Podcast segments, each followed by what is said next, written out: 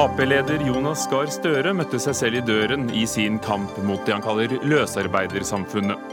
Som politiker bør du gjøre alt for å unngå å bli en lys, levende selvmotsigelse, sier Dagbladets politiske redaktør. Regjeringen og Arbeiderpartiet holder folk for narr, mener SV. Den nye klimaloven gjør at vi betaler andre for å slippe å kutte selv, sier de, men Miljøpartiet De Grønne er storfornøyd.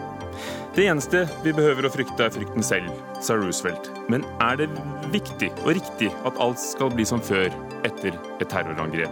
Det spørsmålet får to ulike svar i Dagsnytt 18 her i dag.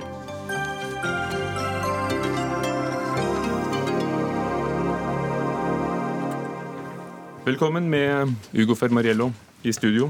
Arbeiderpartileder Jonas Gahr Støre har trukket seg ut av investeringen i en boligutbygging i Oslo.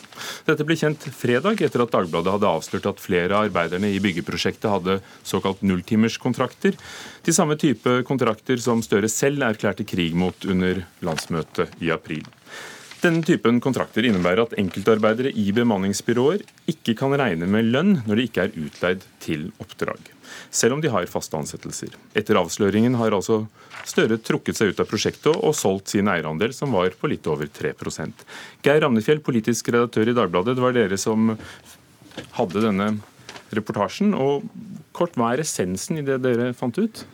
Eh, essensen i det er at, uh, er at uh, Støre, som uh, jo har markert seg som en leder for Arbeiderpartiet, som har lagt mer vekt på arbeidslivspolitikken, Eh, viser seg å ha eierandeler i et eh, boligprosjekt. Eh, og så viser det seg at ja, som du sier, at en rekke av disse selskapene som altså Eh, det er tre av åtte byggefirmaer de, de uh, bruker bemanningsbyråer. og En rekke av de har også gått på disse nulltimerskontraktene. Så han har altså da sagt én ting og hatt en viktig sak politisk som han har markert seg over, um, flere, over et helt år med.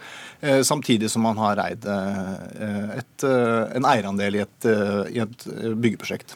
Men det er jo ikke noe ulovlig over dette, og det er heller ikke noe skjult. Dette var oppført i Stortingets register over Eh, hvilke investeringer han hadde, ikke sant? Nei, det er ikke noe ulovlig. og han, Det har han jo vært eh, veldig påpasselig og Arbeiderpartiet har vært veldig påpasselig med å understreke i dag. at Det er jo ikke noe lovbrudd det er snakk om. Men det, er, det som gjør saken eh, pussig, er jo at, eh, at Jonas Gahr Støre har, eh, har eh, profilert seg på arbeidslivspolitikken. Altså i en periode hvor Eh, Arbeiderpartiet har spisset valgkampbudskapet sitt eh, opp mot temaet arbeid, så har man sett at arbeidsledigheten har kanskje ikke utviklet seg i en så foruroligende retning som man hadde trodd. Og så har man sett at da har de rettet kanskje mer av, eh, mer av eh, spisset tema arbeidsliv eh, inn mot faglige rettigheter og styrking av de.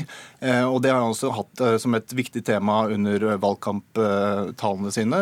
Han begynte med det, la merke det på, på Arendalsuka i fjor, hvor han innledet og hadde et veldig sterkt utfall mot den type politikk fra fra høyresiden. og hvor og Det er jo en viktig sak for Arbeiderpartiet, for det er en, et sted hvor Arbeiderpartiet og Høyre på mange måter skiller ganske tydelig lag politisk. Hvorfor mener du at dette er politisk problematisk, at han hadde en eierandel i dette, som du sier? Intet var ulovlig, og han kan jo likevel jobbe for sine politiske standpunkter? Det kan han gjøre, men um, når du har eierandeler i et uh, byggeprosjekt, så uh, er du etter uh, aksjonærloven, så har du mulighet for å ta opp saker. Du har forslagsrett og talerett på generalforsamling, så det hadde ikke vært noe problem for han å adressere disse uh, problemstillingene overfor de andre eierne. Det er et knippe eiere som han kunne diskutert denne saken med. Så han forsvarer seg med, med dette i etterkant at det er en liten eierandel. Men når dette er en sak som han har profilert seg veldig sterkt på, så får han et politisk problem fram mot valgkampen på et område som er veldig viktig for Arbeiderpartiet. Og det, det vakte jo også litt oppsikt da dere først skrev om dette, at de andre eierne er nettopp investor Stein Erik Hagen, som gir penger til Høyre, og Selina Middelfart, uh, kjent næringslivskvinne. Ja, det er på mange måter en komplisert sak for Støre. Vi ville jo gjerne hørt hva Jonas Gahr Støre hadde å si. Han hadde ikke anledning til å være med i kveldens uh, sending. Men Leif Sande, du er stortingskandidat for Arbeiderpartiet i Hordaland og inntil nylig forbundsleder i Industri Energi. Du mener at Støre er den beste garantisten mot sosial dumping i arbeidslivet? Støre han trekte seg ut av dette prosjektet med sammen han fikk visshet om at det ble operert med nulltimerskontrakter. Nulltimerskontrakter er ikke noe ulovlig i Norge, men det blitt en uting fordi det begynte å bli så mye brukt òg i bygningsbransjen. Innenfor handelssektoren kaller jo ringevakter og ringekontakter og alt sånn at Det er jo et, noe som har eksistert i all tid, men nå trekte han seg direkte ut. Og Det som jeg har lyst til å legge vekt på, det er den andre Støre. Det er han Støre som vil til livs med løsarbeid medarbeiderkontrakter, nulltimerskontrakter, regulere bemanningsbyrå, allmenngjøre avtaler for sjøfolk, drift på arbeidsmiljøet på flerbruksfartøy fjerne lov om Unnskyld meg, Sander, men det er jo nettopp det han, han har snakket om selv. Eh, ja. Og hva gjør det med hans troverdighet overfor for deg, f.eks., når han selv da har vært involvert i et prosjekt med ingenting, sine penger? Ingenting. Jeg syns. Jeg, jeg syns faktisk da han gjorde, når han fikk visshet om dette her, så trekte han seg ut. Og hvert menneske, både jeg og deg, er av og til utsatt for sånne ting. Jeg kjøpte en stol i en møbelbutikk her for noen uker siden. Da kom to mann hjem til meg med han, og så spurte jeg om de kunne sette han sammen. Hva visste jeg om de hadde nulltimerskontrakt eller var i et bemanningsbyrå, eller hva visste jeg om det? Da kunne jeg som fagforeningsleder bli stilt til veggs av Dagbladet, for jeg hadde brukt en person. Altså, Du må være menneske oppi dette. her. Han hadde 3% i det prosjektet her, og med en gang han fikk visshet om det, så trekte han seg ut. Og da må du se på Det er mann som vil ordne opp i sosial dumping i Norge, og så kommer vi til å klare det hvis han bare blir valgt som ny statsminister. Henrik Alsheim, stortingspolitiker fra Høyre. Arbeidsliv er et av de stedene hvor Arbeiderpartiet og Høyre står et stykke fra hverandre. Eh, hvorfor har du vært ute og kritisert eh, Støre i denne saken? For, for, for dere har ikke noe mot private investeringer i boligutbygging. Eh, Tvert imot. Det er helt strålende at investorer som Jonas Gahr Støre, som har så store økonomiske muskler privat, går inn i byggeprosjekter som dette. Vi trenger flere boliger, for all del. Jeg tror at Sande gjør en gedigen feil på vegne av Arbeiderpartiet nå. Eller han gjør to feil. Det ene at han sier at jeg er, jeg er opptatt av den andre Støre, som om det er to forskjellige mennesker. Det er den samme mannen. Det er en mann som har reist fra talerstol til talerstol og kritisert denne type kontrakter. Og så får man da senere avsløre i Dagbladet at han har med private penger investert i og beriket seg på, og bruker de samme kontraktene han går til valg på å fjerne. Det er en dobbeltmoral. Det er en dobbel standard som jeg tror provoserer. Og det andre er å sammenligne dette med å kjøpe en stol. Dette er ikke å kjøpe en stol i butikken og ikke vite hvem som setter den sammen. Dette er å gå inn med veldig store beløp i et byggeprosjekt som han selv har da kritisert andre utbyggere for å ha kontrakter på. Altså Det han sa i landsmøtetalen sin, var at dette nærmest var helt hårreisende tilstander på byggeplassene. Altså, og så altså- har han glemt å sjekke sin egen byggeplass. 3,65% Er det mye eller er det lite? Altså, det er jo ikke mye kontra 100, men det er jo mer enn nok til å engasjere seg i uh, de byggekontraktene hvis han er så opptatt av det. Og det er altså sånn at Vi på Stortinget så sitter jo vi diskuterer oljefondet, for eksempel, hvor vi går inn med bare et par prosent i en del prosjekter for å ha eiermakt til å løfte denne typen diskusjoner. Mens Jonas Gahr Støre da mener at eh, han var, som han selv kaller en passiv eier, så han har liksom ikke noe med det å gjøre.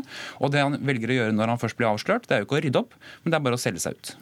Jeg vil ta et par ting her. Oljefondet de er jo inne i prosjekt med denne type kontrakter. Det kryr jo av det. Oljefondet hadde jo aldri stoppet prosjekt hvis du, om, du, om, du hadde oppdaga at noen brukte et bemanningsbyrå.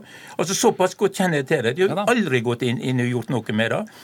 Og, uh, når, Sande, ja. forskjellen på når du kjøper en stol og den blir montert. Ja er vel at du er ikke leder for Arbeiderpartiet og statsministerkandidat. Og, og, og det er jo kjent at det er strukturelle uh, ting med byggebransjen som gjør at mange har nettopp denne type kontrakten. Burde han ha vært mer forsiktig? Da, da skal jeg gi et annet som din partileder? Jeg har nå vært leder for Industri og Energi.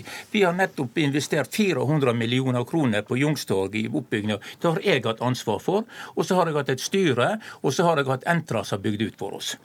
Jeg har ikke peiling på om det kan være et firma der som har nulltimerskontrakter. Skulle jeg ha gått rundt og sjekka 100 mennesker hva kontrakter de gikk på? Men, men, det har vært jo kult kramp umulig for noen å drive næringsvirksomhet i hele tatt, hvis du stiller såpass store krav til den som er investor. Du må jo gå ut ifra at det som er under deg i systemet, har en viss kontroll på. Asheim, er det, er, er det andre regler for en partipolitiker, statsministerkandidat, enn for andre investorer? Ja, altså, jeg, altså, det er helt riktig som har sagt her, at Han gjør jo ingenting ulovlig, men han har jo brukt veldig mye tid på å kritisere kontrakter som han selv beriker seg på, og da blir det en dobbeltmoral. Og jeg tror for helt ærlig at Sande, Hvis Sande fortsatt hadde vært leder for Industri og Energi, så hadde han ikke hatt mandat i sin eget forbund til å gå ut og forsvare dette. Dette gjør han som arbeiderpartipolitiker. For det LO har vært ute og kritisert dette. Senterpartiet, Arbeiderpartiets foretrukne regjeringspartner, har vært ute og kritisert dette. Det er ikke bare noe som vi sitter på Høyres hus og finner på. Dette her er et problem. for fordi han har profilert seg på dette. Er, er du tilhenger av den type kontrakter i, i byggebransjen? Er det en god ting? Ja, nei, altså en god ting. Det vi har sagt er at vi har satt ned et forskningsprosjekt sammen med Fafo og partene for å se på dette. Det utgjør 1-2% av arbeidsstokken i Norge. Det er ikke veldig utbredt, men vi ser at det er noe som vokser innenfor byggenæringen. Og Derfor må vi se på hvordan man kan ha bedre organisering i eh, arbeidslivet. Men å forby det, det mener jeg går altfor langt. Halvparten av de som er midlertidig ansatt, er fast ansatt etter et år. Så det er også en, knagg, en trapp inn til, i arbeidslivet. Men det er en litt annen diskusjon. For det vi diskuterer nå, er jo om det er sånn at Jonas Gahr Støre er to mennesker. Som, som Sande sier, at, at ja, jeg liker den andre Støre, den som er partileder, ikke den som er privat investor. Sande, burde Støre, nettopp fordi han er i den fremskutte posisjonen, hatt et, et, et skarpere blikk på, på hva, hva, hans familieinvesteringer går til? Jeg syns at han gjorde det eneste rette. Han fikk vite om dette her og trekte seg ut av dette her. Men signalet det gir til selvstendig næringsdrivende i Norge, det er egentlig Er du selvstendig næringsdrivende, så hold deg for all eh, Guds skyld unna politikken. For hvis du stiller sånne krav til investeringene deres, og at detaljene skal være så kartlagt, så kan ikke en selvstendig næringsdrivende drive politikk. Så jeg mener Støre har håndtert dette på en grei måte. Sjøl hadde han helt sikkert syntes det var greit å unnvære det, for det er jo det som gjør at han har trukket seg. Men han har, og det han står for når det gjelder sosial dumping, er jo fundamentalt det motsatte som det står for. Nei, det for, for, for, deg, Asheim, så må det være gefunnet Fondenes fressen politisk sett at dette har skjedd? Visst må det ja, så Poenget er at jeg syns det er ganske oppsiktsvekkende. fordi jeg tror for helt ærlig at Arbeiderpartiet hadde lagt opp én valgkampstrategi som handlet om arbeidsledighet. Så falt den, så da falt også valgkampsaken. Og så fant de ut en ny sak, og det skulle være arbeidsliv. Og så oppdaget de at partilederen deres er en stor investor i et eh, boligselskap som bruker de samme kontraktene. Ja, altså det er jo betydelig beløp vi snakker om. Det er jo Hagen som er den store investoren. Han sitter med 24 det, det, viktigste, det, det handler det om prosenter eller millioner? Vi snakker jo likevel om betydelig antall millioner millioner. Jeg prøvde å si at dette handler om et prinsipp, og starta med den stolen. Så jeg viste jeg til byggeprosjektet vårt og sier det handler ikke bare om prinsipp. Vi får se på det praktiske. Si, du har en helt annen standard overfor Støre enn du har overfor alle jeg andre investorer. Jeg har den standarden da han vil gjøre mot sosial dumping. Nei, og det er ikke ett menneske Et øyeblikk, Sande. Det er fordi han er partileder i partiet ditt, og du er kandidat for det partiet. For jeg, for, jeg ville forsvart Folketrygdfondet som en av de store sosialdumperne i Norge. Geir Ramnefjell, politisk redaktør i, i Dagbladet fremdeles. Støre stilte ikke i Politisk kvarter i P2 hvor dette ble diskutert tidligere i dag, også med Henrik Asheim. Han, han kunne ikke her, men han uttalte seg til, til, dere. Hvorfor tror han ikke selv vil være på ballen i denne debatten, og, og hva sier han i det han har sagt til Dagbladet? Ja, Han sier at dette er en så liten eierandel at han ikke har mulighet til å kontrollere og følge opp. Um, og Grunnen til at han ikke vil stille til debatt, er vel fordi det er en veldig veldig vanskelig sak eh, for han. Han må forsvare en ting som for han er veldig vanskelig å forsvare. Uh, han har uh, han har markedsført en politikk. Han har eh, dreid arbeidslivspolitikken til Arbeiderpartiet eh, betydelig til venstre, og har markert seg med det som politisk eh, prosjekt. Eh, og Han også samarbeider med Jonas Ball, som har eh, brukt nærmest et helt eh, politisk liv på å bygge et prosjekt rundt arbeids, arbeidsliv. Når han da er såpass bevisstløs at han går inn i et eiendomsprosjekt som dette uten å forsikre seg om at ting er på stell altså Han kunne jo etablert dette, dette byggeprosjektet, kunne gått inn i det. Han kunne gjort dette til en slags sånn, til et merke merkestein til en sånn prøveklut for hvordan funker dette i praksis, dette som han vil gjøre. Tror du Arbeiderpartiets velgere, eller mulige velgere, vil oppfatte dette annerledes enn en Sande gjorde her? Det er vanskelig å si, men, men han har jo skaffet seg et problem framover mot valgkampen. Hver eneste gang dette temaet kommer opp, så vil politiske motstandere kunne vise til hans eiendomsinvesteringer. Takk skal dere ha. Geir Ragnefjell, politisk redaktør i Dagbladet. Henrik Asheim, stortingspolitiker fra Høyre, og Leif Sande, stortingskandidat for Arbeiderpartiet Hordaland inntil nylig leder for Industri og Energi. Dagsnytt 18 alle hverdager klokka 18.00 på NRK P2 og NRK2.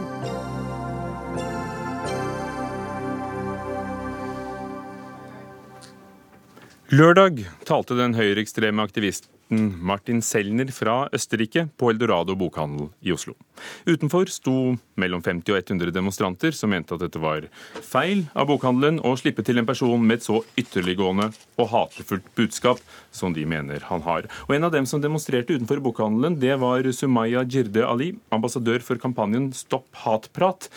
Hvorfor burde ikke Martin Selner og hans identitærbevegelse, som den heter, identitære bevegung, få slippe til i en bokhandel i Oslo sentrum?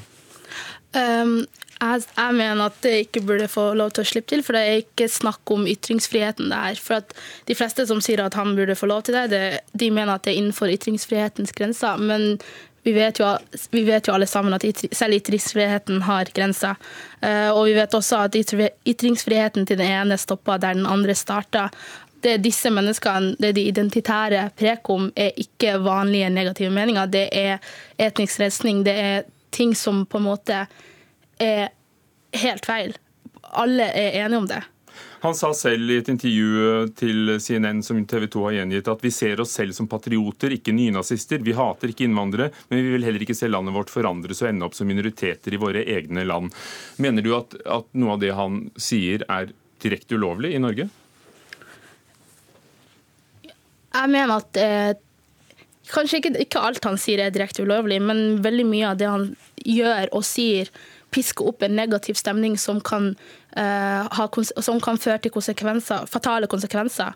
Vi ser jo bl.a. at hatkriminaliteten mot bl.a. muslimer er på økning. Vi ser at altså, Med høyreekstremisme så ser vi en holdning som er altså, giftig. Jeg er jo ambassadør for en kampanje som heter Stopp hatprat, som du også nevnte. og Eh, vi er jo, vi ambassadørene vi utfordrer mennesker på sosiale medier, og der ser vi også at folk bare krenker og krenker og krenker. og krenker. De vet ikke hva de Altså Det er ja, veldig mye av det han sier, pisker opp en negativ stemning. Kristian Skrede, daglig leder for Eldorado bokhandel. Arrangementet er i regi av nettstedet Ekte nyheter, som mener at norsk presse er preget av inkompetanse og er venstrevridd i sin dekning av politikk. Eh, og dere som bokhandel har en politikk om at dere låner ut lokaler eh, i ytringsfrihetens navn til, til mange forskjellige aktører. Hvorfor var det riktig å la denne Selner tale hos dere? Ja, altså Det er jo vanskelig når man først har en åpen scene sånn som vi har. da. Vi har jo hatt mellom 3000 og 4000 arrangementer siden vi åpnet. Eh, og det er jo gratis for alle som vil bruke huset. Eh, og, Stopp hatprat kan låne lokaler hos dere, f.eks.? Ja, de har brukt det uh, tidligere. Uh, de er bl.a. noen av brukerne våre. Og, og, og, det er jo vanskelig, altså Ytringsfriheten det er, det er vanskelig, fordi hvor går grensene, og hvor, hvor, hvor, mye skal man gå inn i de forskjellige materiene? Vi, vi har jo kanskje 20 arrangementer ukentlig, som igjen har sine foredragsholdere. Så for oss er det veldig vanskelig å gå gjennom absolutt alle disse, disse ytrerne som bruker eh, huset vårt. Men her var det vel ikke så vanskelig, for det var veldig mye oppstuss også i forkant, med trusler om boikott og store mm. artikler. Så, så hvor går din grense? Fordi dette må du ha vurdert? Eh, helt riktig. Vi, vi, fikk en tilbakemelding i, eh, for halvannen uke siden om at eh, nå, nå, kommer det en fyr som ikke vi vil skal tale der. Og Det fikk vi fra, fra venstresiden i, på skalaen. fikk vi tilbakemelding på det. Og det Vi gjorde da, vi fikk tak i, til, i Jon Wessel Aas, sånn at han kunne som er advokat med ekspertise på ytringsfrihet. Stemmer, stemmer. For her begynte vi, vi skjønte jo etter hvert at her, her, her, trenger vi litt hjelp i forhold til å sortere riktig. fordi Venstresiden sier noen ting, og høyresiden sier noe. Og så måtte vi prøve å samle det inn, inn der og få, få, få et, et, par ekstra øyne på dette her. Og, og, og uh, han kom tilbake og sa at dette uh, I forhold til ytringsfrihet så kan ikke Man kan i hvert fall ikke si at uh, han ikke kan snakke på basis av at han bryter noen lov. Linda Nord, daglig leder for tenketanken for minoriteter, Minotenk. Ville, ville du latt eh, Martin Selny låne deres lokaler? Nei, det ville jeg ikke. Eh, vi er veldig bevisste på akkurat den problematikken her. Og nettopp eh, fordi at vi har sett en uheldig utvikling de siste årene, hvor ulike ytterliggående og ekstreme bevegelser helt bevisst velger en strategi om å blende mer inn, altså bli mer mainstream, mer spiselige. Man bruker ikke så sterke mm. symboler og uttrykk lenger, ikke uniformer. Og man bruker et språk eh, som er mer politisk eh, korrekt og mer akseptabelt da, for en større offentlighet. Burde han ikke få tale noe sted? Jeg er helt enig i at det er veldig veldig vanskelig. Fordi ytringsfrihetens, altså prinsippet om ytringsfriheten er så uhyre viktig. Eh, og jeg syns også at her har det vært eh, vitner om at, at, det fungerer jo demokratisk, altså fordi det har vært mange motstemmer. Eh, mediene har hatt eh, like mye fokus, fokus, på de som har demonstrert og vært mot det. Det jeg savner i denne debatten, er at vi kanskje burde hatt mer fokus faktisk på arrangørene, altså ikke de som bare låner ut denne scenen, men de som faktisk arrangerer. For de er jo her i Norge og prøver å, å, å spre dette budskapet her. Og det tenker jeg vi burde definitivt ha mye mer fokus på. Men de er ikke her akkurat nå. Men mener du at eh, han ikke burde fått låne, leie noen talerstol? Nei, jeg mener at han er såpass ytterliggående eh, at, eh, at det er veldig uheldig. I hvert fall hvis det er uten motstemmer. Eh, det kommer jo alltid an også på premissene for slike arrangementer. Hvis det f.eks. hadde vært andre motstandere på samme arrangement, så syns jeg det kunne ha stilt seg litt annerledes. Eh, men jeg personlig eh, ville ikke ha, ha gitt plattform til eh, til dette arrangementet i sin helhet, faktisk. Sumaya Jirde Ali, ville, bør ingen gi denne organisasjonen og, og deres talere plass, rom, til å si det de mener? Det er jo et vanskelig spørsmål, men mm. altså, hvis man skal, de fleste som på en måte forsvarer dette, mener jo at hvis vi lar trollene slipper til i dagslyset, så vil de sprekke. Uh, vi ser jo at den teorien ikke fungerer med tanke på alle de andre forskjellige fenomenene, bl.a. rasisme, bl.a. apartheid osv. Hvis det får på en måte spalteplass, hvis det får rom, så legitimeres jo det indirekte. Man sier jo at det er greit, man sier jo at det er ytringer på lik linje med alt annet, og det mener jeg er feil. Um, og jeg syns også det er veldig interessant å se hvem, hvem, hvilke individer og aktører som på en måte har uh, beskytt, altså, brukt ytringsfriheten for å beskytte dette. fordi at det er ikke menneskene som på en måte føler konsekvensene av disse hatefulle ytringene på kroppen. Det er ikke hun jenta i gata som blir røska av hijaben, eller han vennen min Petter som er jødisk og som blir spytta på for at han er jøde og for at han bruker kippa. Det er mennesker som, ikke, som har privilegier, som, som, sørger for at de aldri opplever disse konsekvensene. Så Betyr det at du mener at, at han burde blitt boikottet av alle? i Norge. Han skulle ikke fått noe sted å tale. Ja, Han er såpass drøy, er såpass drøy at jeg, det mener jeg faktisk. Kristian Skrede, I den debatten som oppsto sist uke før arrangementet, så var det en del kritikere som trakk frem at du har en fortid uh, for flere tiår siden i nynazistiske miljøer. Hva, hva syns du om at det ble tatt frem? Hva er det man sier for noe, krig og kjærlighet er alt tillatt. Eh, jeg skjønner jo godt at, eh, at, at den ble brukt eh, mot meg, selv om jeg syns det, det, er et Den har liksom ikke noe med denne saken her å gjøre. Min fortid fra jeg var 16 til jeg var 20 år, den, den, den, den var, var, på den ekstreme siden. Og, og, og, og, jeg tror faktisk at på, hvis jeg, eller hvis vi i det miljøet den gangen hadde hatt en tilsvarende eh, Hvor vi hadde fått blitt litt justert. Det, altså, vi snakker om dette ekkokammeret for, for, den eh, høyre, høyreekstreme siden. Jeg, jeg, er temmelig sikker på at min tid i det høyreekstreme miljøet hadde blitt kortet kraftig ned hvis vi hadde blitt møtt på en i mye, i mye mer dialog. Da. Men, men, men, som dere gjør, å låne ut lokaler til forskjellige arrangører, så lager dere jo kanskje mange små ekkokamre noen ganger. Mm. Det blir ikke den debatten som Linda Nord etterlyste, at jo, vi møter dem, men vi møter dem et, i et panel med mange andre. Ja, eh, og Der kommer man jo inn på definisjoner igjen i forbindelse med ytringsfrihet osv. Altså en ytring er jo en ytring er jo noe som kommer, og så kommer gjerne en debatt av en ytring. Eh, vi har jo veldig, altså Nå er det veldig viktig å si at dette arrangementet her har jo, og vi har jo Hvor mange kom egentlig? Du, vet du, jeg, jeg var der ikke selv, men jeg antar, eller jeg har hørt rykter om at det var 30-40 som var der. Så dobbelt så mange demonstranter antageligvis, minst. Ja. Men, men, men, ja, men ja, hvorfor ikke arrangere det som debatter? Altså Det må du nesten ta med arrangøren. Vi hadde ikke noe med arrangement å gjøre. Så det er ikke vår, vår Og vi har jo mange, mange, andre foredragsholdere som ikke har motdebattanter, men kanskje med mindre, eh, mindre betent tema. Da. Men ser du at du blir, selv om du ikke er arrangør, så blir du en slags redaktør fordi du fasiliterer og, og gjør dette mulig? Og at, du, at, det leses sånn av kritikere? Så, altså det, det, som er, det, som er, interessant, er at jeg tror, jeg, jeg tror denne kritikken mot Eldorado og, og meg uh, er, eh, jeg er ikke sikker på om det har kommet like hardt hvis, hvis, det hadde vært et sted altså Dette er gratis for alle ytrerne. Og, og, og vi vet jo at uh, saler blir leid ut andre steder til andre arrangementer. da, så, så jeg er litt usikker på hvorfor, hvorfor, hvorfor dette blir um, uh, ja, uh, at vi, at vi eh, at vi må stå Vi står i hvert fall ikke ansvarlig som, som arrangør der. Da. Linda Nord, hvor går den grensen for deg? For hvem som burde snakke? Og bør den være lik for alle? Det syns jeg i hvert fall ikke enkeltpersoner skal stå. Det er noe vi må diskutere i fellesskap. Og jeg tenker også f.eks. Litteraturhuset har jo også sluppet til f.eks. saudiarabiske saudi-arabiske myndigheter som formidler sin krigspropaganda. Så jeg syns også at kritikken mot akkurat Eldorado er noe urettferdig. At vi må ha mye mer fokus på faktisk innholdet her, og de som arrangerer det her i Norge.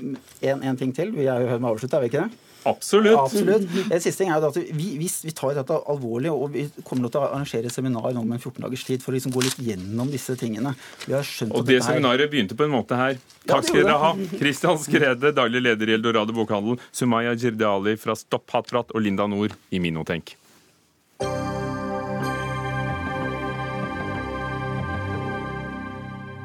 Wir Europäer müssen unser Schicksal wirklich in unsere eigene Hand nehmen. Wir müssen selber für unsere Zukunft kämpfen, als Europäer, für unser Schicksal. Und das will ich gerne mit Ihnen gemeinsam tun. Vi må selv kjempe for vår fremtid og vår skjebne, sa Tysklands forbundskansler Angela Merkel på valgmøtet i München i går. Det var det vi hørte fra her. Tiden da vi fullt og helt kunne stole på andre, er over. Europeere, vi må ta skjebnen i egne hender. Da hadde den tyske forbundskansleren nettopp lagt bak seg en uke med toppmøter i både Nato og G7-landene uten å overbevise USAs president Donald Trump om at verdien av samarbeid både når det gjelder klimahandel og ikke minst sikkerhet. Robin Allers, førsteamanuensis ved Institutt for forsvarsstudier eh, ved Senter for norsk og europeisk sikkerhet. Eh, var det overraskende ord fra Di Angela? Det var overraskende tydelig for henne å være. Eh, men når man ser litt tilbake på utvikling de siste månedene, og da spesielt de siste dagene, så var det kanskje ikke så overraskende. Det kom fram en god del frustrasjon etter å ha jobbet med å overbevise Trump i mange måneder. Eh, både hun, men også Jens Stoltenberg, andre verdensledere, for å få han med i et samarbeid eh, i en multilateral verden, som åpenbart har mislykket. Han er ikke med på det. Og så um, er det også uh, en valgkamp som ligger bak der, som også spiller inn. Husk at de uttalelsene kom på et valgkampmøte uh, i et mm. øltelt. Det har vært spenning ikke minst til dette med Natos artikkel 5, altså antiangrepspakten. Hvor, hvor et land rykker inn når en av medlemmene er, eh, er, angrepet, og hvor vel Stoltenberg hadde forventet klarere tale fra Trump. Men det at Trump ikke sa dette så klart som, som eh, europeerne kanskje hadde ønsket seg, betyr det at USA ikke vil følge opp? Det tror jeg ikke. Jeg tror ikke det er et signal om at uh, alliansen er uh, i, i, ferd med å ratne, eller at uh, vi, vi, trenger noen alternativer. Jeg, jeg, tror også Trumps medarbeidere har sagt klart ifra at de står ved alliansen. Men alle hadde håpet, håpet at han skulle komme med en sterk uttalelse. at han skulle, som alle andre, støtte opp under artikkel 5. one for all, all for one. det, er, det er styrken til alliansen. Det gjorde han ikke på trass eller eh, fordi han ville fokusere på andre ting. Det gjorde han ikke. Istedenfor skjelte han ut eh, sine medallierte, og det falt eh, ja, det gjorde et dårlig inntrykk og økte nok frustrasjonen hos de andre. Men hvor mye ville det betydd å høre ham si det? Fordi, fordi avtalen ligger, som du sier, ja. i bunnen. I internasjonal politikk, sikkerhetspolitikk, det handler mye om, om symboler, om eh, signaler man sender. Og akkurat nå hadde man håpet at han var klar til å til å gi det signalet. Man tror nok at eh, USA også ser seg selv tjent med å være en del av den alliansen, men han signaliserte veldig sterkt gjennom alle de møtene at han eh, setter America first. Og jeg tror mye av den uttalelsen til Angela Merkel var nå ikke Europe first, men vi må ta konsekvensene av en slik politikk når han setter Amerika først i alle sammenheng, og ikke tenker først og fremst allianse, fellesskap, samhold, da må vi se etter hva vi gjør med det. Hvordan kan vi eh, styrke samarbeidet oss imellom for å eh, støtte bedre opp fra europeisk side. Og sånn sett så, så tviholder hun på ledertrøyen i Europa? Som hun gjerne deler. Jeg tror hun gjerne vil dele det med andre. F.eks. en ny president, fransk president som står sterkere. Nå må han først bli ordentlig stor og vinne et parlamentsvalg og uh, være en ordentlig partner. Så hun er nok litt uh, tilbakeholden med å fullt stole, stole på han. Men uh, Tyskland liker jo ikke lede alene. Hun vil ikke være um, den eneste lederen av den frie verden. Men over de siste årene har man sett at Tyskland blir presset inn i en rolle hvor de tar mer ansvar. Og også de uttalelsene til Angela Merkel som hun kom med i går, tyder på at Tyskland ser seg nødt til å ta mer ansvar. Mer ansvar for europeisk forsvarspolitikk, for handelspolitikk, for migrasjonspolitikk, på alle områder, egentlig. Hva gjør at hun kan være så uredd som hun virker i sin tale overfor Trump, tidligere overfor Putin? Nå har hun veldig mye erfaring hun har vært der lenge, lenger enn alle andre. Eh, hun står også støtt, eh, veldig stabilt eh, i Tyskland etter noen to år med mye motbør pga. flyktningkrisen. Men akkurat nå så seiler hun fram også som en soleklare favoritt internt. Så... Jeg skulle, skulle, til å spørre deg, Robin Alders, fordi som man kanskje kan høre, så er jo du også tysk og har et spesielt øye til tysk politikk. Hva er din spådom før det tyske valget? Nå er det vanskelig å se for seg noe annet enn at hun, hun vinner. Det som blir spennende, er hvem som går i koalisjon sammen med henne. Om det blir en stor koalisjon igjen med Sosialdemokratene, som da blir juniorpartner, til tross for at de hadde store forhåpninger om å ta ledertrøyen de denne gangen. Det blir det antagelig ikke. Eller om det blir de liberale, eh, et lite liberalt parti som nå seiler opp igjen. Eller om det kommer noe nytt spennende, f.eks. en svart-grønn koalisjon. Um, der ligger spenning nå, men at hun til slutt seirer, uh, det ser i hvert fall nå ut som ganske sikker. Takk skal du ha, Robin Allers, førsteamanuensis ved Institutt for uh, forsvarsstudier, med din tolkning av Angela Merkels ord som falt i München i går.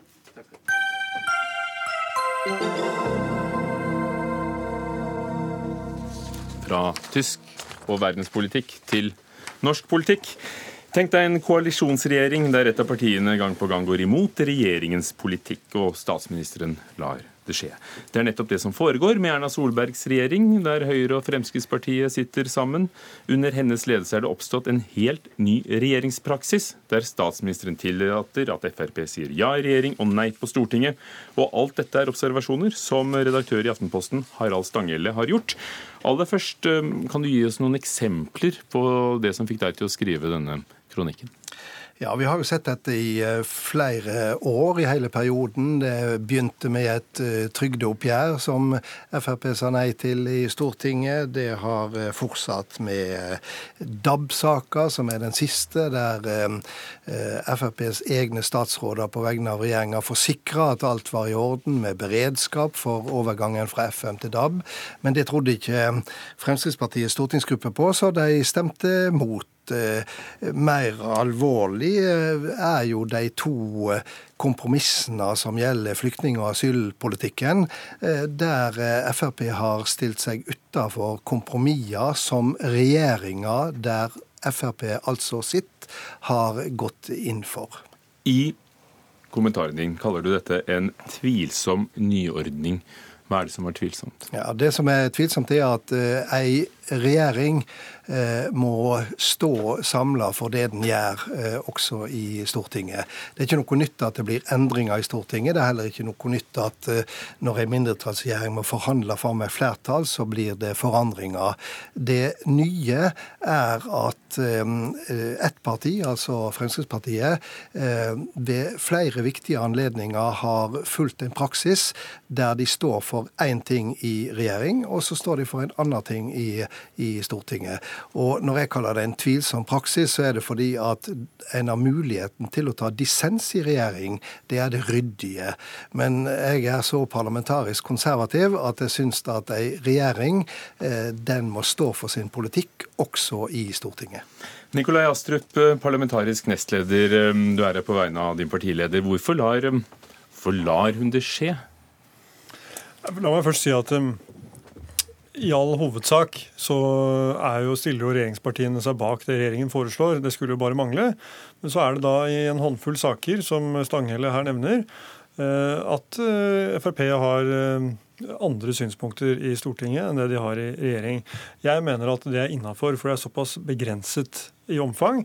Vi er enige om alle de viktige sakene.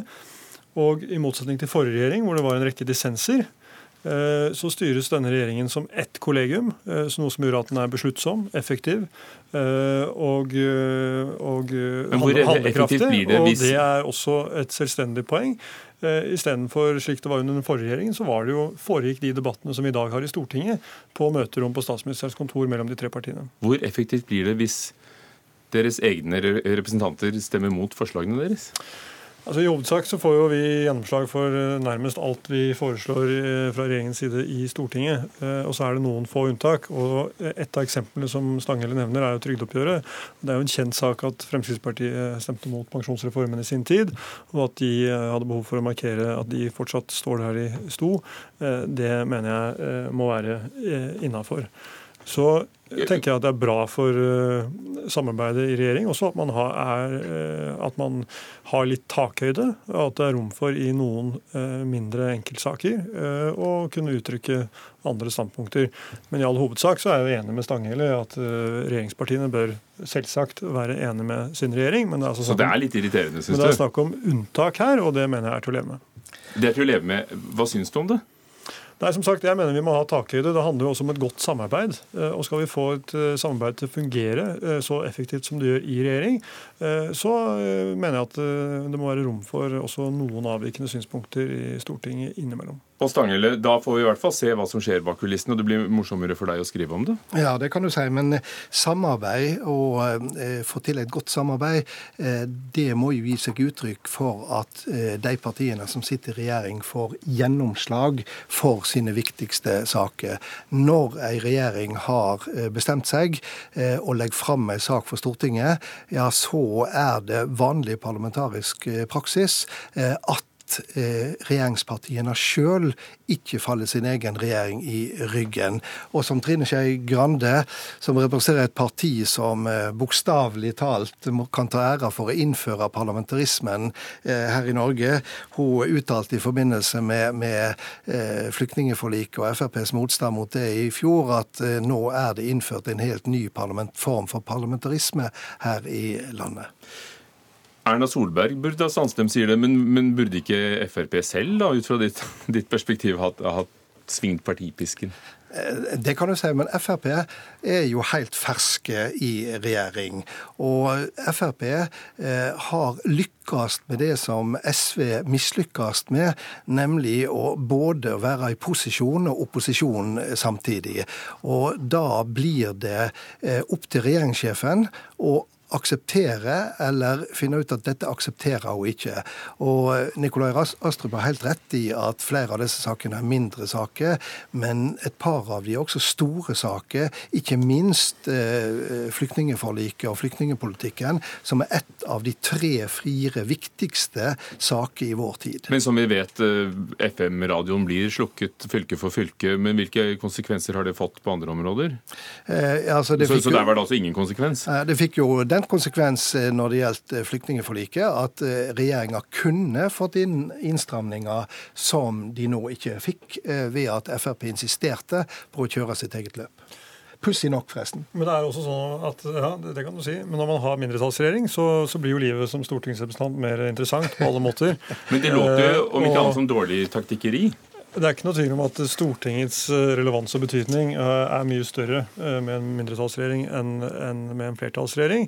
Og at når du skal forhandle med ulike partier, så åpner det for et rom for at flere kan markere mer primærpolitikk enn det man kan dersom man har en flertallsregjering hvor man må ta ut offisiell dissens. Dere fikk jo en gløtt inn i dette den, rommet selv i Høyre ja, med i ulvesaken, da dere fikk deres egne ja, partifeller foran Stortinget med plakater? Nettopp, og der stemte jo Høyre også mot sin egen regjering. Eh, slik at eh, det er ikke helt uvanlig at eh, stortingspartier kan stemme mot sin regjering. Fordi det også kan skje ting i løpet av behandlingen, og særlig når du er i en forhandlingssituasjon i Stortinget, så må man jo, må man jo tilpasse kartet etter terrenget.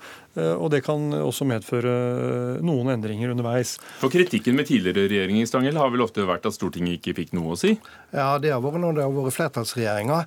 Eh, igjen, dette dreier seg om du kan være i posisjon og opposisjon samtidig. Jeg har jo også pekt på i den kommentaren i Aftenposten at eh, Fremskrittspartiets utenrikspolitiske talsmann utgjør faktisk den skarpeste opposisjonen til en av bærebjelkene i regjeringas utenrikspolitikk, nemlig Russlandssanksjonene og russlandspolitikken. Og det tror jeg knapt har skjedd noen gang tidligere, eh, at på et område som er så sentralt, så utgjør regjeringspartiets eh, fagpolitiske talsperson.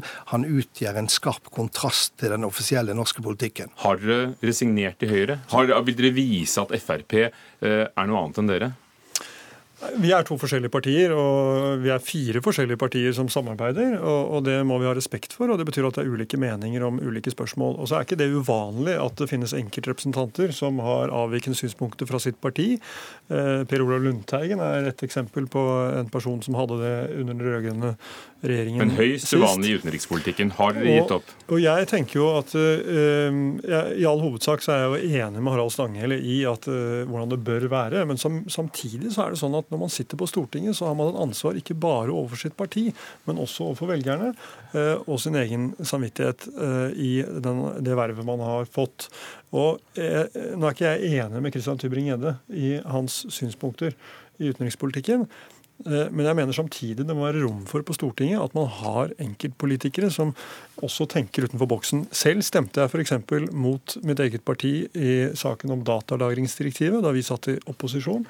Jeg, fordi jeg mente at det var mer i tråd med det jeg, med det jeg mente Høyre sto for. Ville du også i dag stemt mot ditt eget parti, hvis det var ifølge din egen overbevisning? Nå er jeg parlamentarisk nestleder, så den situasjonen stiller seg litt annerledes. Men ja, hvis, hvis, jeg mente det var viktig nok, og jeg mente at partiet her var på ville veier, så ville jeg i hvert fall bruke all den innflytelse jeg måtte ha internt for å prøve å endre partiets Stanghelle, posisjoner. Høyre er et parti med takhøyde, hører vi. Ja. Er det ikke bra? Jeg er sterkt tilhenger av samvittighetsfrihet i de fleste saker. Men jeg er, sterk, jeg er sterkt tilhenger av at, at, når et parti sitter i regjering, så må det også oppføre seg som et regjeringsparti i eh, Stortinget. Og når det gjelder utenrikspolitikken, helt, eh, helt kort til slutt, så er det ikke snakk om en enkeltrepresentant. Det er snakk om Fremskrittspartiets utenrikspolitiske talsperson. I all hovedsak så er vi enige om 99% av alle saker som går fra regjering til storting. I all sånn hovedsak kommer det til å fortsette å være. Er den debatten over. Takk skal dere ha. Nikolai Astrup fra Høyre, Harald Stanghelle, redaktør i Aftenposten. Hør Dagsnytt 18 når du vil. Radio NRK Radio.nrk.no.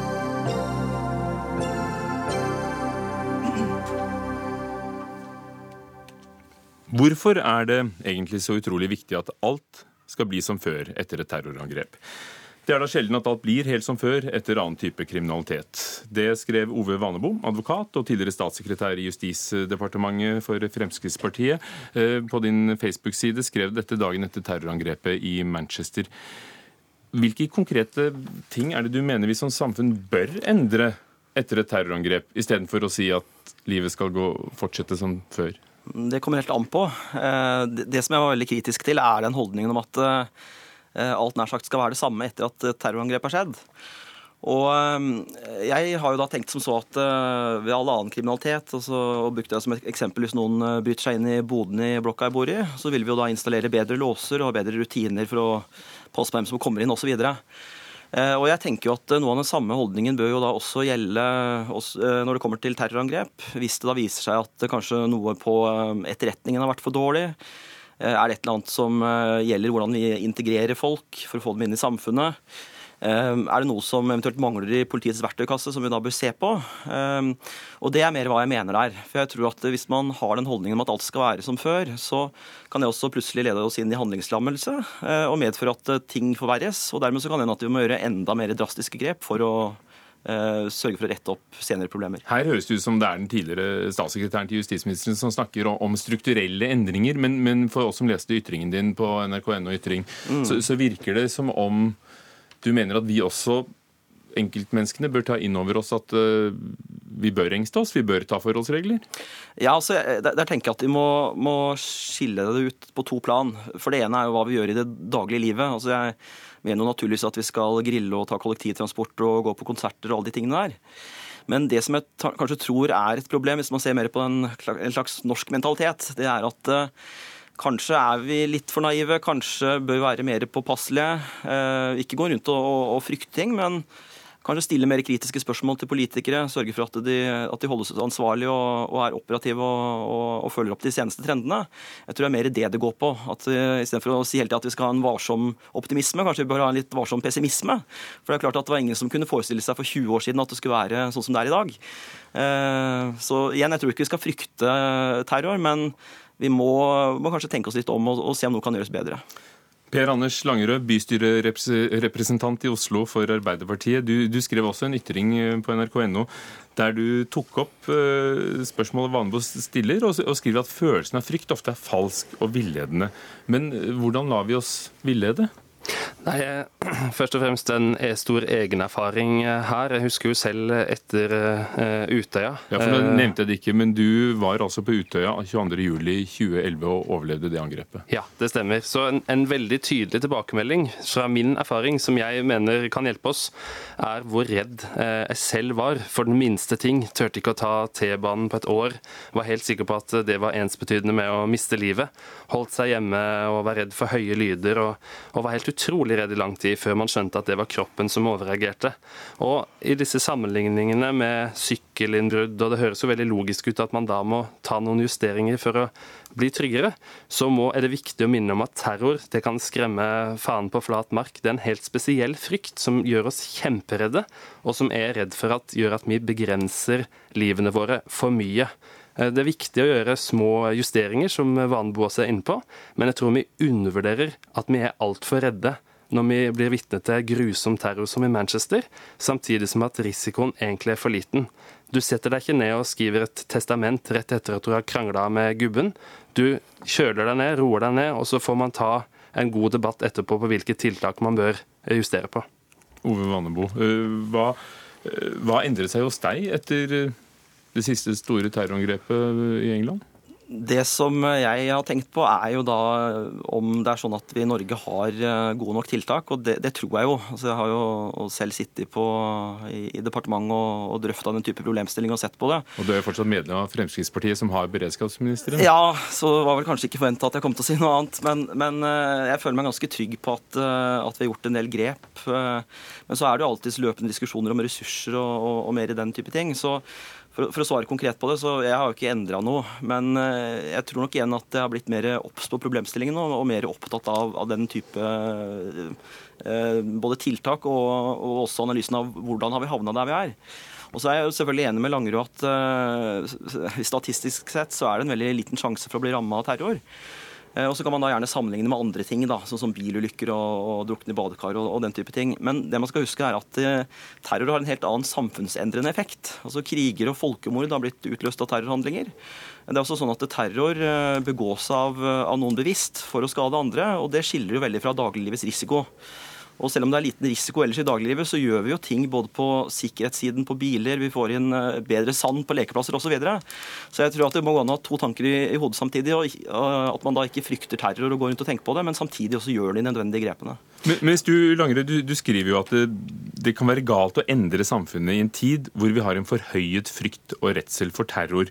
Eh, samtidig så ser vi jo på de siste 20 årene, ikke minst etter, etter 22.07, at at kontorer som tidligere vi spaserte ganske rett inn i, er blitt til festninger, og det er vakter der vi ikke var vant til å se vakter. Hmm. Skulle vi ikke gjort det? Jo, jeg tror, jeg tror, veldig på de faglige vurderingene og de kjølige overveielsene som vi fikk etter Gjørv-kommisjonen. og Jeg tror på veldig mange gode tiltak som har blitt satt i, i, verk. Det eneste, og Jeg har veldig tillit til det Vanebo også sier, men vi må huske på at vi to diskuterer i en verden som er full av folk som sprer frykt, eh, og som prøver å hause opp den terrortrusselen. Og det gjør folk livredde, selv om de bor på grisgrendte strøk uten noe grunn. Så det jeg er livredd for, er at folk blir unødig redde, lar være å reise til London, Manchester, Stockholm fordi de er redde for terror. Det er det flere som, som, ofte sier. Så jeg tror det er viktig å ha en stor og god offentlig debatt, og heie på politikere som også sier at nå skal vi tilbake til sånn det var før. Fordi at vi blir så livredde, og ofte så er det også tiltak som blir populære etter terrorangrep, som handler om mer overvåkning, at eh, f.eks. en domstol ikke skal godkjenne om politiet skal få lov til å ha husransaking. Tiltak som ikke nødvendigvis eller i det hele tatt hindrer eller forebygger terror. Og Da tror jeg det er viktigere å ha fokus på gode, kjølige løsninger, f.eks. bedre integrering, barnehaver, de lange tiltakene som man vet forebygger terror bedre. Vanebo i Frankrike er det fremdeles unntakstilstand, og, og storbyene i England er stort sett kameraovervåket i sentrumsstrøk. Mm. Eh, er, det, er, det, sånn som må til, eller Nei, altså det, det, som jeg eh, er veldig kritisk til, som jeg også tror at eh, Langerud er enig i, er at det må passe på er disse mer generelle overvåkningstiltakene. Altså jeg har f.eks. vært veldig skeptisk til datalagringsdirektivet, fordi det da vil øh, dreie seg om at man registrerer alle mennesker uten at øh, de nødvendigvis har noe galt. Men det jeg tenker øh, er fruktbart i den diskusjonen, er jo den målretta spissa overvåkningen, f.eks. Og så må man også huske at Tilstanden i Norge er jo annerledes enn det det har vært både i England og Frankrike. I fjor så ble det gjort en del endringer i politiets adgang til å Eh, bruke nye verktøy, eh, som da går på nettopp den spissa overvåkninga. Og Det som var veldig positivt med den norske debatten, var jo at det var på mange måter en debatt som var litt frikobla fra at det hadde skjedd noe galt i Norge, selv om man da selvfølgelig hadde 22.07 friskt i minne. Og Dermed så tror jeg nok at eh, de grepene vi har gjort i Norge, er, er prega av mer hva skal vi si, kjølig analyse og tilnærming, enn at det da gjøres nærmest som et panikktiltak etter at terroren først er skjedd. Skulle vi være forsiktige med å reise til Paris, Brussel, Sharm el Sheikh, Istanbul? Manchester? Ehm, det kommer jo an på. Eh, jeg så at eh, det var laget en undersøkelse som viste at omtrent eh, halvparten av nordmenn som skulle reise utenlands, tok hensyn til terrorfaren. Og Jeg skulle gjerne ønske at, at folk kanskje hadde en litt mer hva skal jeg si, en kjølig distanse til det. Men det understreker også igjen hvor viktig det er at man tar det på alvor. For Vi ser hva slags samfunnsendrende effekt det har at folk er bekymra. Og Det er nettopp derfor jeg tenker at debatter som det er viktig for å sørge for å komme i forkjøpet før det skjer noe galt. Mm. Langerød. Ja, og jeg er enig i det, men jeg bare tror vi undervurderer eh, hvilken stor effekt det har å ha politikere som setter i gang med eh, store tiltak og prosesser, uten å la det gå noe tilstrekkelig tid mellom slike grufulle angrep eh, og diskusjonen om grepene. Takk skal dere ha. Du er jo selv politiker, bystyrerepresentant i Oslo for Arbeiderpartiet Per Anders Langerød, og Ove Vanebo, advokat, tidligere statssekretær.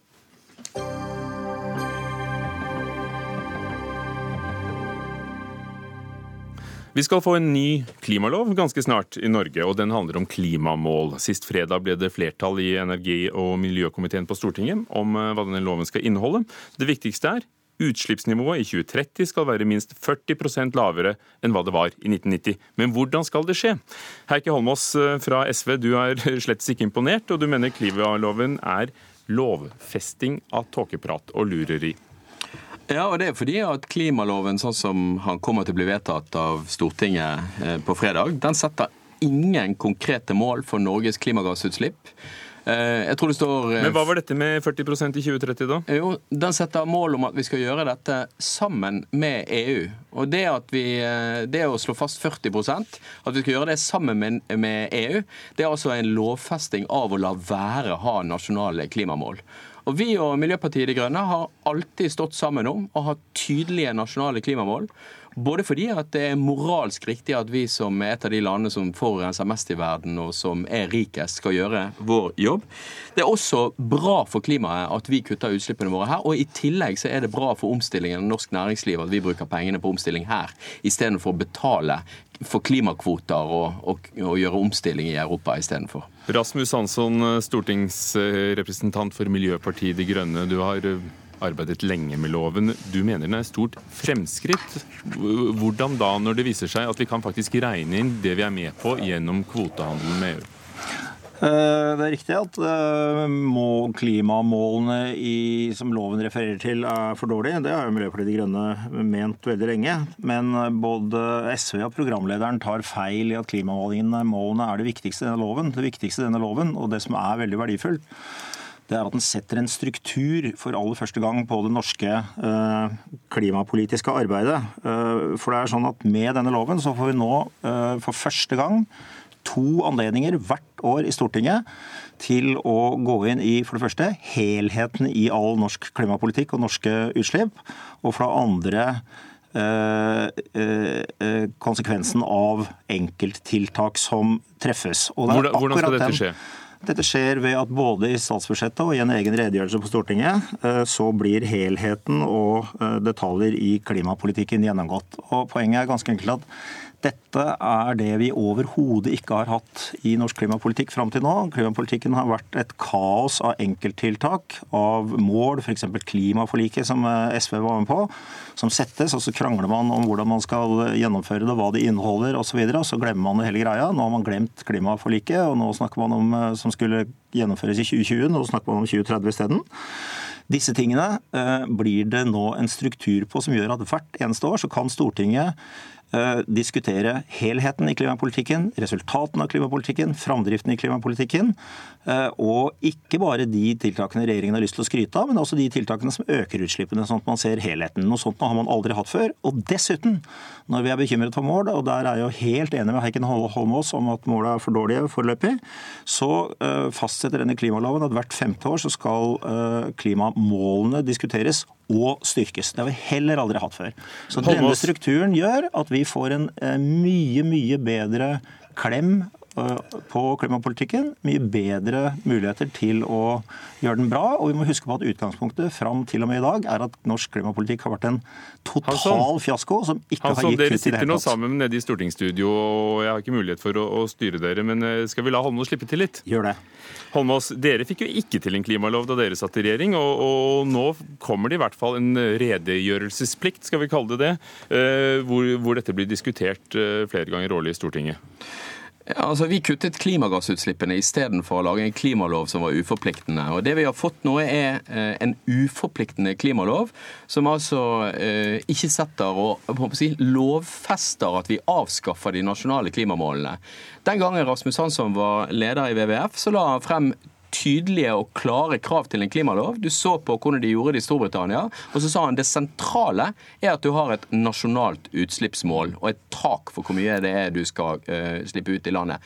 Nå, den, nye, den nye loven den sier nei, vi skal ikke ha noe sånt nasjonalt tak, for det spiller ingen rolle om vi kutter i Norge eller om vi kutter i andre land. Og det er derfor, når jeg utfordrer eh, statsråden, altså klimaminister Vidar Helgesen, og spør han ja, hva slags beskjed gir du da til regjeringen, til embetsverket, om at vi skal ha som mål for kutt i Norge, så kommer han bare med tåkeprat. Og det vi gjør nå, er å lovfeste tåkeprat. Og det er altså en dårlig klimalov, og ikke noe som bringer eh, debatten noe videre. Og jeg vil bare minne om at Rasmus Hansson, når dette ble lagt frem, sa at den loven som nå ble vedtatt, den var pinglete. Han var så uforpliktende som mulig, eh, var hans beskrivelse av loven. Og nå står han altså og jubler over at denne loven er, er, er, blir vedtatt. Jeg syns det er litt rart, for han burde være ærlig og si at denne loven kutter faktisk ikke klimagassutslipp i Norge. Det, det som er enda rarere, er at SV ikke kan være med på at vi nå faktisk har gjort et framskritt i forhold til en, eh, en klimapolitisk situasjon i Norge som har vært det totale kaos, som ikke har gjort noe som har gitt noe som helst eh, resultat eh, Så, i det hele altså, tatt, og altså ikke for, noe kutt. for å, å, å se om vi har forstått dette. Eh, Du er fornøyd med dette at dette må rapporteres om og tas opp i Stortinget. Men når det gjelder kvotesystemet og at det ikke er nasjonale mål på klimautslipp, hva synes du om det? Det synes jeg selvfølgelig er for dårlig. eh, Men nå, og det har vi aldri noensinne lagt skjul på, verken i omtalen av klimaloven eller tidligere. Men, men du som men, kjenner den, hvordan skal det regnes ut eh, de, klimautslippene vi er med på via EU og kvotesystemet? Ja, altså Vi eh, kommer jo til å få en rapportering og, eh, i forhold til mål i Norge, og så må regjeringen redegjøre for hvor mye eh, eh, kvoter den eventuelt kutter ute. Men da er det ganske viktig å huske på at den loven sier ikke at man skal eh, ta utslipp, norske utslippskutt ved å eh, kutte ute, den sier at man kan gjøre det. Så og Holmås, dette er en av de tingene som vi får en diskusjon om i Stortinget, som jeg ikke har hatt før. Så Holmås, da er det jo opp til en- enhver god regjering da, å, å, å kutte selv? Jo, men det som er problemet da, er at tidligere så gikk skillet i norsk miljøpolitikk mellom Arbeiderpartiet, Høyre og Fremskrittspartiet, som heller ville betale andre å og kjøpe kvoter i utlandet istedenfor å gjøre utslippene hjemme. Men vi andre partiene klarte å tvinge de til å være med på utslippskutt. Nå får vi lovfestet at det spiller ingen rolle om utslippskuttene kommer i Norge, eller om vi kjøper kvoter i utlandet. Og Det er altså lovfesting av en dårligere klimapolitikk enn den vi tidligere har hatt. Og Det syns jeg faktisk ikke er greit. Hvis ikke du heller mener den er ideell, hvorfor ikke markere din motstand mot at den ikke er så god som du vil? Fordi det er ganske dumt å være mot absolutt alt som ikke er totalt perfekt, særlig i et så uperfekt eh, fagfelt som klimapolitikken. Da er det lurt å være glad for framskrittene og bruke dem til å gjøre ting enda bedre på. Og jeg må jo si det er veldig rart å høre Jeg eh, Heikki Holmås si ivrige takk. forslag, forsvar for den rød-grønne klimapolitikken. Rasmus Hansson og Heikki Holmås, takk for at dere var med i Dagsnytt 18, som var med Stein Nybakk, teknisk ansvarlig, Ida Tune Ørisland, ansvarlig for sendingen, og Ugo Fermariello, programleder.